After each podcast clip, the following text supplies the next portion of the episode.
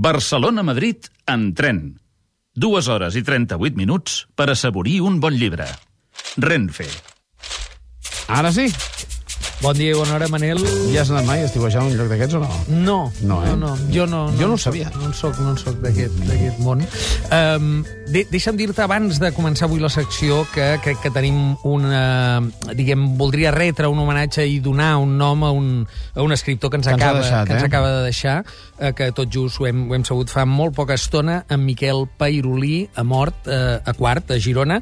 Miquel Pairolí eh, és un autor que ha tingut un llarg recorregut, Mhm. eh, sobretot dietarista, i jo voldria així a cop calent i més enllà, diguem, de, de l'emoció del moment, recomanar eh, que crec que el millor homenatge se li pot fer sempre a un escriptor és llegir-lo, i voldria recomanar a tots els oients de llegir Octubre, com a mínim, el seu darrer llibre, un dietari eh, en el qual es fa un esclat de la quotidianitat amb una escriptura impressionant, un veritable hereu de Josep Pla, d'una prosa eh, realment rica, sempre serena, sempre profunda, en tot cas, que, que descansi en pau Miquel Pairolí. Jo vaig tenir l'oportunitat de conèixer-lo gràcies al Guillem Terribas a, a Girona, Mhm. a tocar de la, de la 22, eh, ja estava malalt, Estava però, malalt. però evidentment... Eh, Ell va fer un article una acomiadant... presència i una lucidesa espectacular. espectacular. Pairolí, eh? Ell es va acomiadar públicament amb un article molt subtil. A l'Avui. A, l'Avui, al punt avui, diguem, Sí, ell sí. col·laborava en aquests dos mitjans eh, des de sempre, i un tant d'una subtilesa tan gran que semblava un comiat, diguem,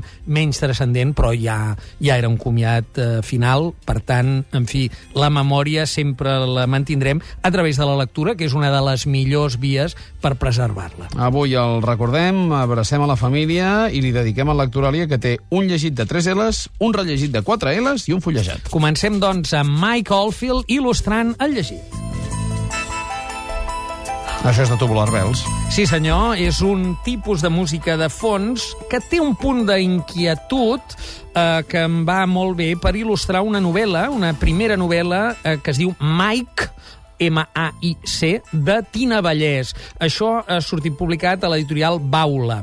A veure, és una novel·la molt breu, eh, gairebé és un relat llarg, eh, i explica les circumstàncies més aviat tràgiques del que en diríem avui una família desestructurada. Eh? Diguem, el que passa és que ho fa des dels ulls d'un dels seus membres, que és el fill, eh, un fill, un nen petit, que es diu Mike, que passa moltes estones sol, molt abandonat, amb un pare absent, diguem, totalment absent, i una mare que, diguem, es busca la vida eh, de, de maneres molt diverses i, vist des dels ulls d'en Mike, per entendre'ns, busca un altre pare. És a dir, que eh, tot sovint porta homes a casa o se'n va de casa o tot plegat.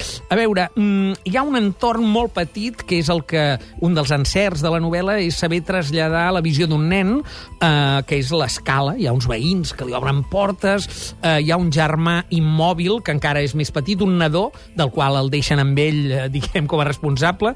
Eh, tot plegat, eh, si algun retret li podríem fer, és que té un punt d'esquemàtic, eh, però justament aquest esquematisme fa que encara allò que no llegim, però que ens imaginem, sigui més terrible encara, eh? És a dir, que eh, és una història que té un punt de tràgic vist des de eh, la visió innocent i gairebé naïf d'aquest Mike que viu una situació, per entendre'ns, de solitud, de desestructuració eh, en aquesta primera novel·la d'una autora de la Tina Vallès, de qui ja coneixíem algun dietari, eh, l'aeroplà del Raval, concretament, eh, però no una història de ficció com aquesta, amb la qual debuta Mike, de Tina Vallès, a l'editorial Baula. Mots clau? Infància, però també solitud, però també abandó, estil, un estil molt depurat, magnífic, que recorda, potser, a Sergi Pàmies. When the moon hits your eye like a big pizza pie, that's amore. Doncs amore, ens ho canta Dean Martin. Sí, senyor, l'amore, l'amore sempre il·lusiona, sobretot ara a l'estiu, és per recomanar molt fervorosament l'última novel·la que eh, s'ha traduït d'Andrea Camilleri. Aquesta és una novel·la que es diu El vestit gris, en la traducció de l'italià, del seu traductor habitual Pau Vidal en català, que en castellà la trobaran també a Salamandra. Una novel·la que es presenta tot just demà eh, al Velòdromo, eh? Quatre, ole, quatre L's. Quatre L's i olé, ja ho pots dir, Sí, sí, sí, sí, olé, sí. perquè eh, ens hem trobat que és una novel·la d'amor, podríem dir. Eh, És contemporània, no és de la línia de les novel·les històriques d'en Camilleri, està situada a Sicília, però no hi ha cap crim. No hi ha el comissari Montalbano. Carai. El que hi ha és una donassa de la qual te'n quedes absolutament enganxat des del principi, que es diu Adele, Adele eh? amb un cos voluptuós que li sobreïix del seu vestit gris de vídua, és a dir, una vídua jove, i el seu marit, que és un vidu 20 anys més gran, que de seguida que s'hi casa ja comença a descobrir que la seva Adele tindrà altres necessitats que la portaran lluny del clos familiar. Ell no només ho veu, sinó que ho va assumint, no? I aleshores, amb aquesta sexualitat i sensualitat de Mediterrània rica, anem vivint com l'un i l'altre, eh, diguem, es necessiten per qüestions de poder eh, i, i fins i tot s'estimen. I, I bé, no, no desvelarem com acaba la novel·la. Tu en tot moment t'he de dir que estàs esperant que passi alguna cosa. I alguna cosa greu, perquè tu ja veus que l'Adele en qüestió s'arriba a portar una man a casa fent veure que és un nebodet, eh? Ja. Vull dir, i, i fa que la casa sigui més ampla i se separa. Una novel·la excel·lent que retrata molt bé, surt la màfia, treu el nas del rerefons, aquesta societat siciliana que també explica en Montalbano, una història d'una maduresa notable que va, mm, en fi, molt més enllà del que podríem esperar d'una simple, diguem, divertiment, no? Eh, per tant, eh, recomanació molt estival i molt voluptuosa, el vestit gris d'Andrea Camilleri. Mots clau?